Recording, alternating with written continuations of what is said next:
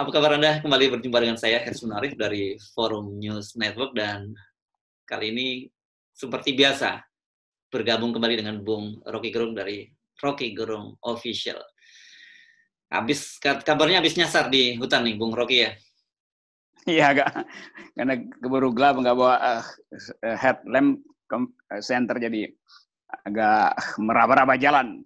Oke. Nyasar di sekitar Gunung Pancar Cisadon. Tapi kan itu banyak jalan kebon, jalan baru tapi nggak ada soal itu. Iya, jadi Dan kalau kita nggak boleh mem, hmm? kalau orang seperti yang bahaya itu yang biasa di apa di hutan aja masih bisa nyasar gitu, apalagi orang yang tidak biasa di pemerintahan itu bisa nyasar ke mana-mana itu. nah, itu lebih berbahaya kalau nyasar di dalam birokrasi itu. Jadi bisa pindah-pindah portofolio itu lebih berbahaya tuh. Karena iya. nggak ada lampu akal pikiran. Kalau saya tadi karena nggak ada lampu, nggak ada hmm. headlamp aja keburu hmm. maghrib, jadi mesti lihat jalan yang mana jalan hutan, karena mana jalan kebun, karena ada jalan baru. Yeah. Hmm. Oke, okay. ini kelihatannya kan anti klimaks lagi. Kemarin waktu Presiden Jokowi tanggal marah pada tanggal 18 Juni, beliau menyatakan akan melakukan segala macam cara termasuk membuarkan lembaga dan juga mereshuffle kabinet. Tapi kita tahu kan reshuffle kabinet sudah dibantah oleh men, uh, Mensesnek Pratikno katanya kan hmm. kalau fine fine hmm. saja nggak relevan lagi bicara soal soal reshuffle. Nah sekarang ternyata uh, Presiden juga baru saja menyatakan akan ada 18 lembaga yang dibubarkan.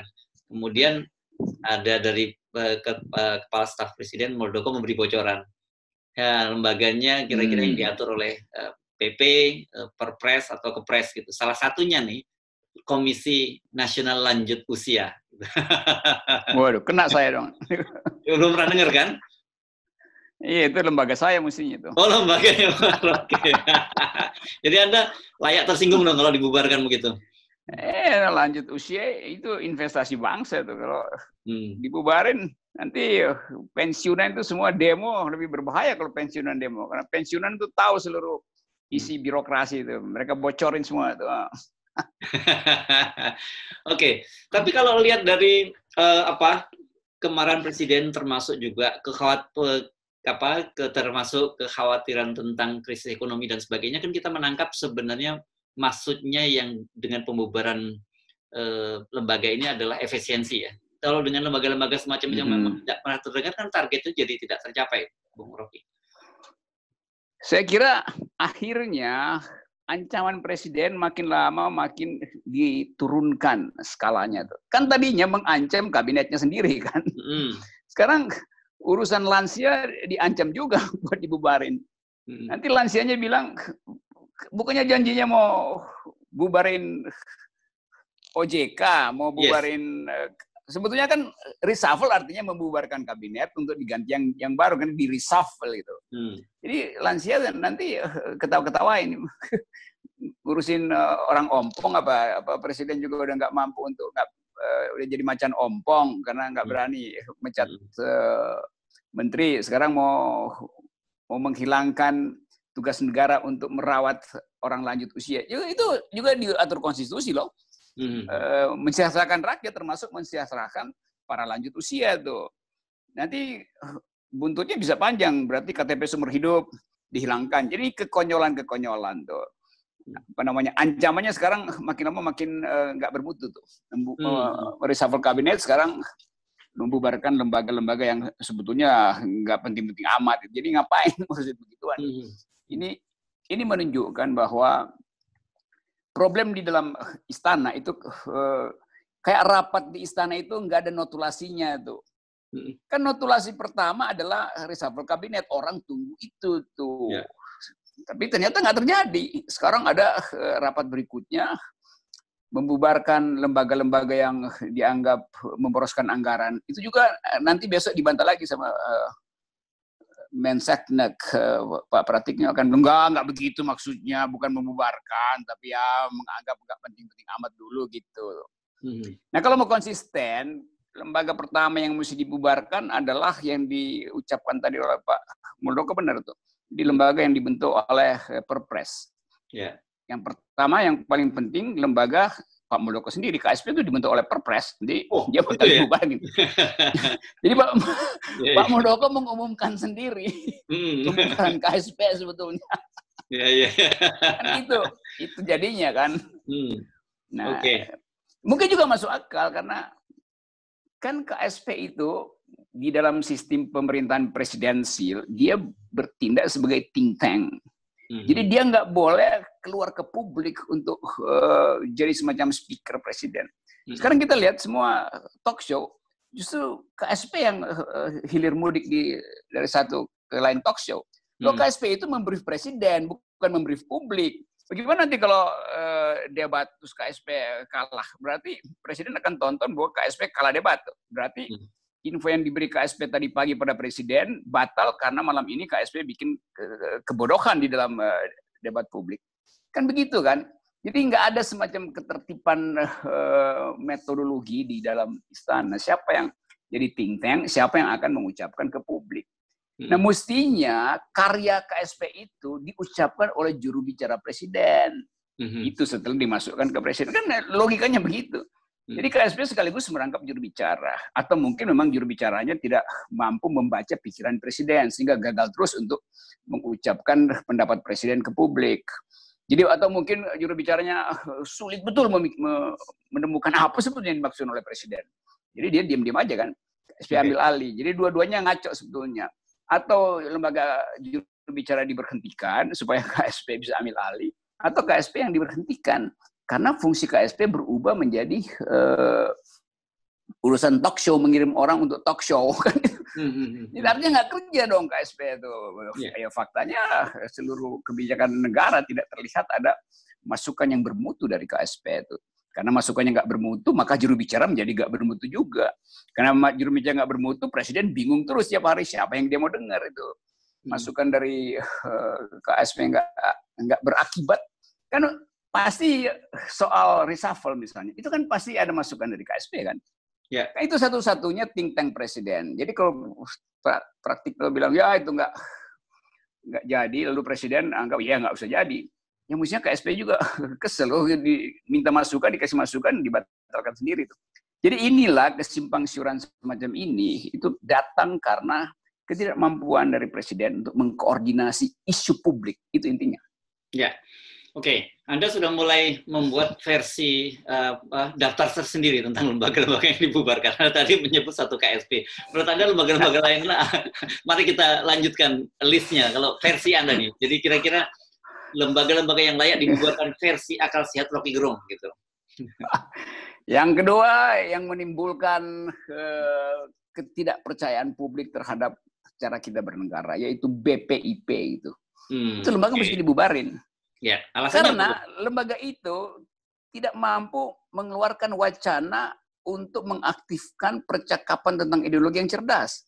Mm-hmm. Jadi kenapa terjadi pertarungan horizontal di dalam soal ideologi? Karena BPIB, BPIP tidak punya argumen untuk merapikan eh, dasar kenapa ideologi negara mesti dilembagakan, kenapa ideologi negara mesti dibina segala macam.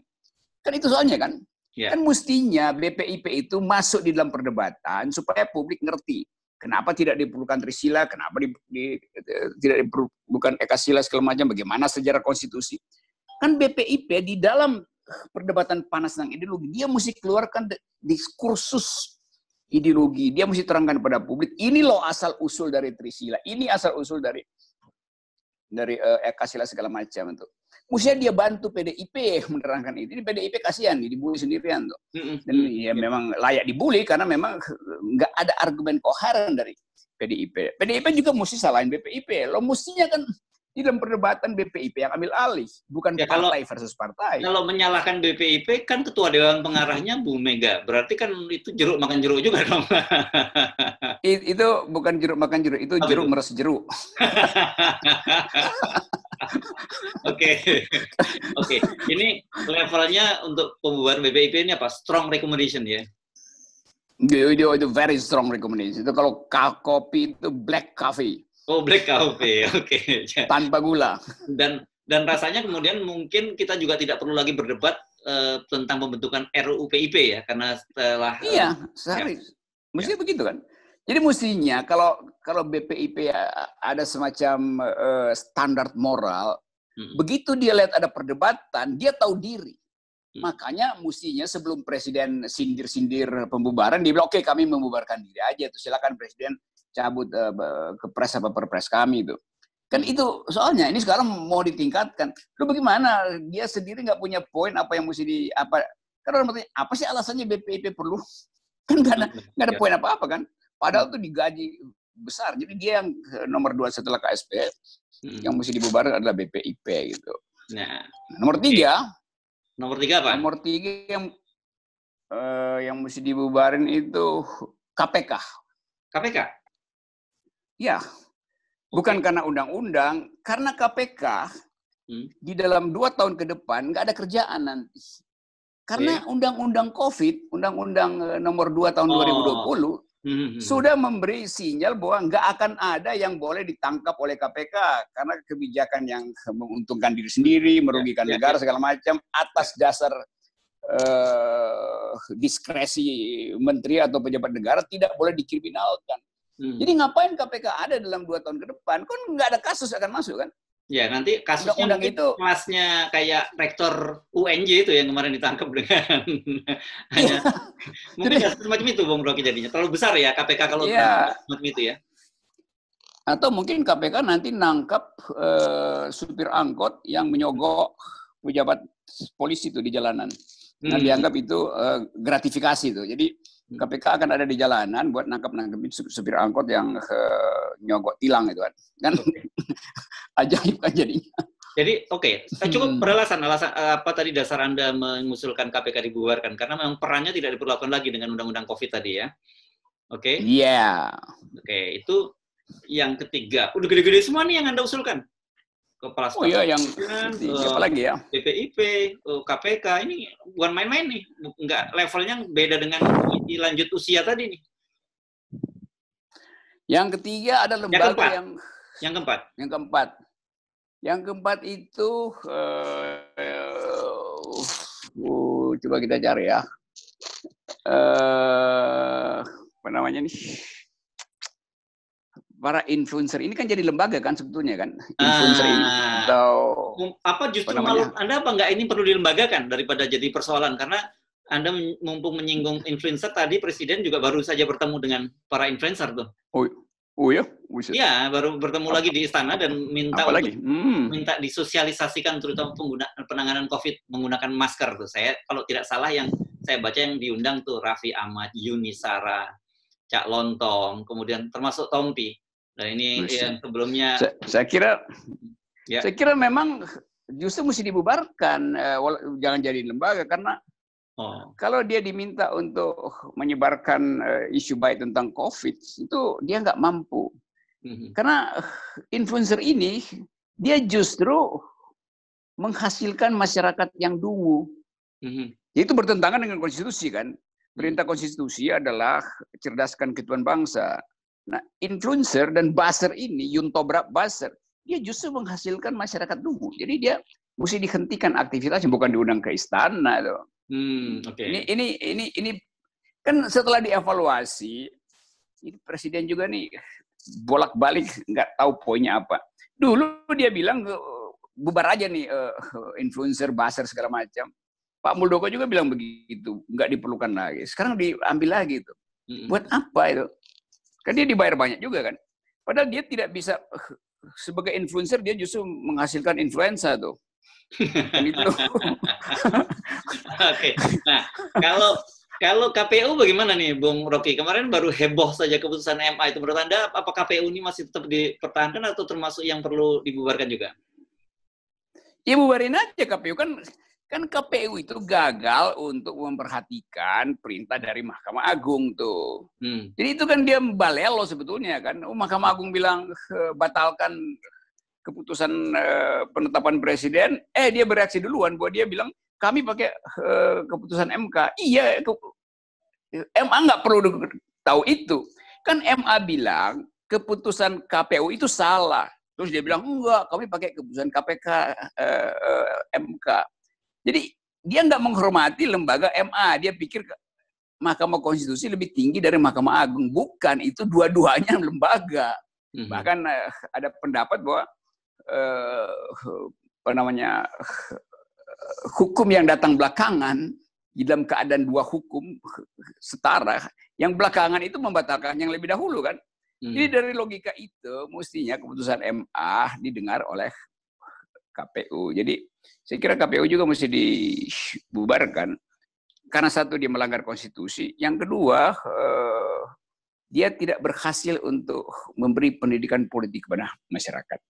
Ya. Dia bahkan dengan gairah lakukan uh, persiapan untuk pemilu segala macam. Oke, okay, kita bilang pemilu serentak. Oke, okay, kalau begitu karena ada Covid segala macam, mulailah pemilu hari ini, pemilu 2020 sekarang pergunakan fasilitas webinar semacam webinar yaitu melalui digital uh, election ya. voting voters di digital. Eh dia bilang nggak bisa, mesti mesti uh, pakai manual.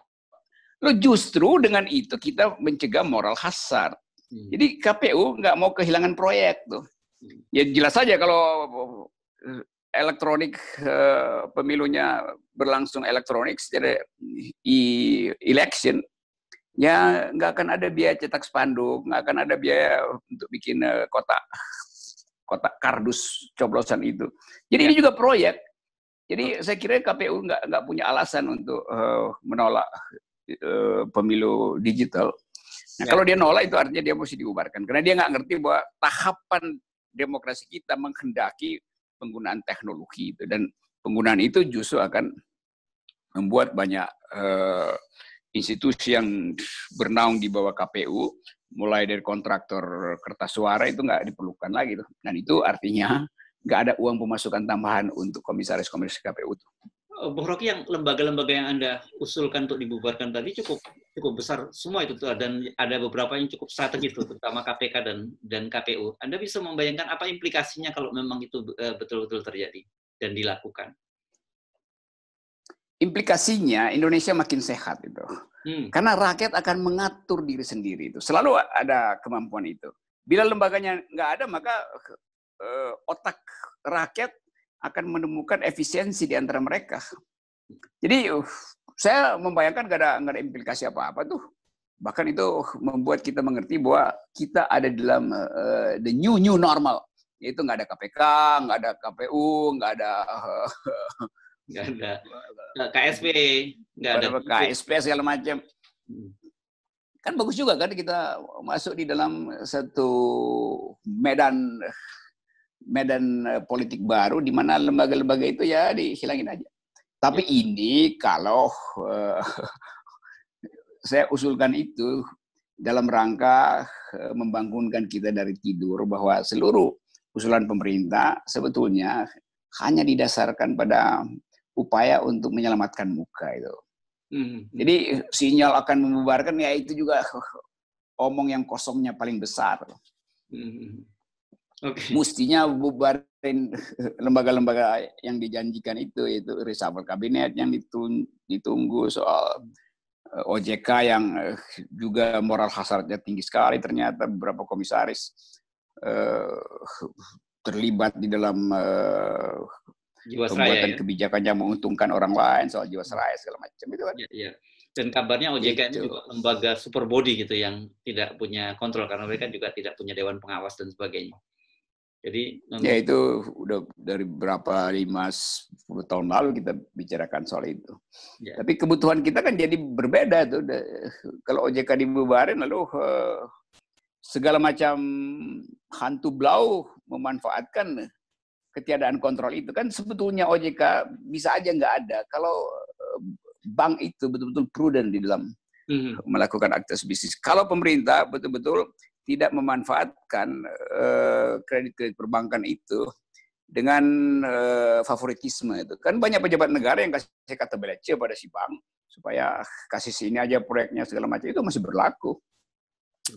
Itu kira-kira kerumitan politik kita hari ini ya kalau, kalau saya membaca di berita itu memang lembaga-lembaga non struktural itu cukup cukup banyak ya Bung Rocky. Jadi dan sebagian besar justru dibentuk berdasarkan undang-undang kalau tidak salah yep. ini angkanya ada sekitar 78 ini yang disebut. Ada 71 90 lembaga non struktural dengan rincian 71 lembaga dibentuk berdasarkan undang-undang, 6 lembaga dibentuk berdasarkan peraturan pemerintah dan 21 21 lembaga dibentuk berdasarkan keputusan presiden atau peraturan presiden. Nah, eh, banyaknya lembaga-lembaga non struktural ini kan menunjukkan betapa tidak efisiennya cara kerja pemerintahan kita ini. Ya, jadi kalau kalau misalnya uh, presiden demi asas demokrasi langsung, dia bertanya pada publik hmm. melalui survei. Saya was surveyor, terus tanya pada publik, lembaga mana yang seharusnya menentukan uh, kebersihan politik dan janji masa depan yang tidak boleh dibubarkan, mana yang boleh dibubarkan tuh. Dikasih situ A, B, C, D, E tuh. A adalah KPU, B yang disebut tadi semua itu. Terus E, lain-lain. Hmm. Saya kira nanti hasil survei itu yang menang yang lain-lain karena akan ditulis yang layak dibubarkan adalah lembaga kepresidenan. ah, ah, iya. Oke. Jadi kalau gitu nggak perlu dong ada survei karena selama ini kan survei-survei yang kita pahami adalah menjustifikasi uh, kekuasaan gitu. Kalau yang anda usulkan tadi itu kan merugikan kekuasaan. Gitu. Iya karena itu mesti dikasih pertanyaan terbuka satu, eh itu lain-lain tuh. Supaya nggak langsung ditentukan kan yang biasa ditentukan kan hmm. multiple choice. Enggak ini pertanyaan terbuka tuh. Siapa lembaga mana yang mesti dibuka? Ya lembaga kepresidenan. Karena begini orang mau disihir lagi oleh presiden oleh oleh istana bahwa ada lembaga-lembaga yang tidak mampu bekerja gitu. Hmm.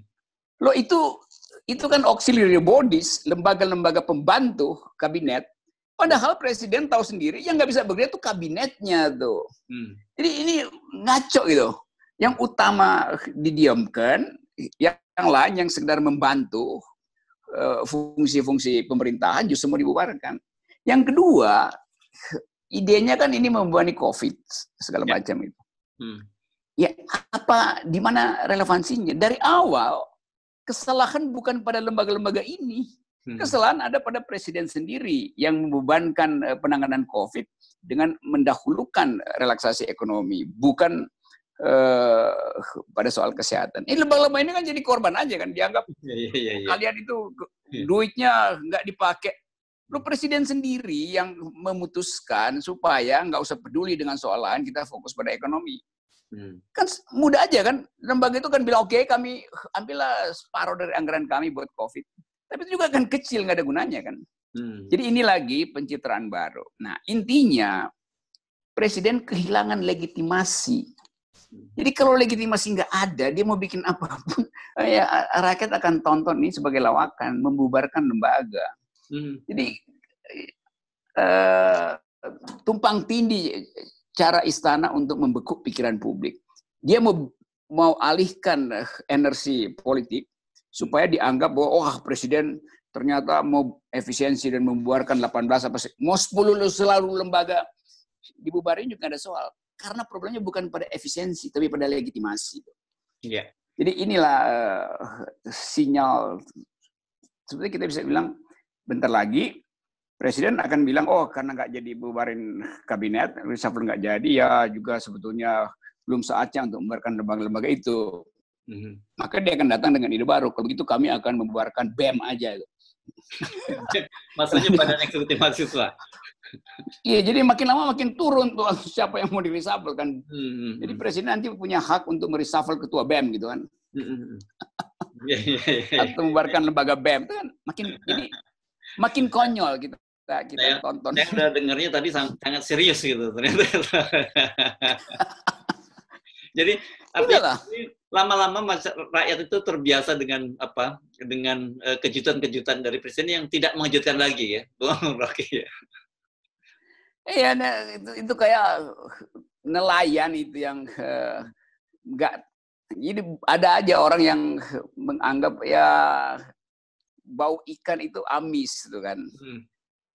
Tetapi bagi nelayan bau ikan itu justru wangi karena dia hidup dengan bau itu setiap hari itu kan.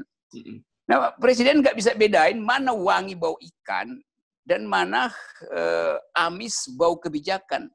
Yang amis itu kebijakannya tuh. Nah sekarang lembaga-lembaga ini dianggap sebagai ikan yang amis itu. Enggak, enggak begitu cara lihatnya tuh.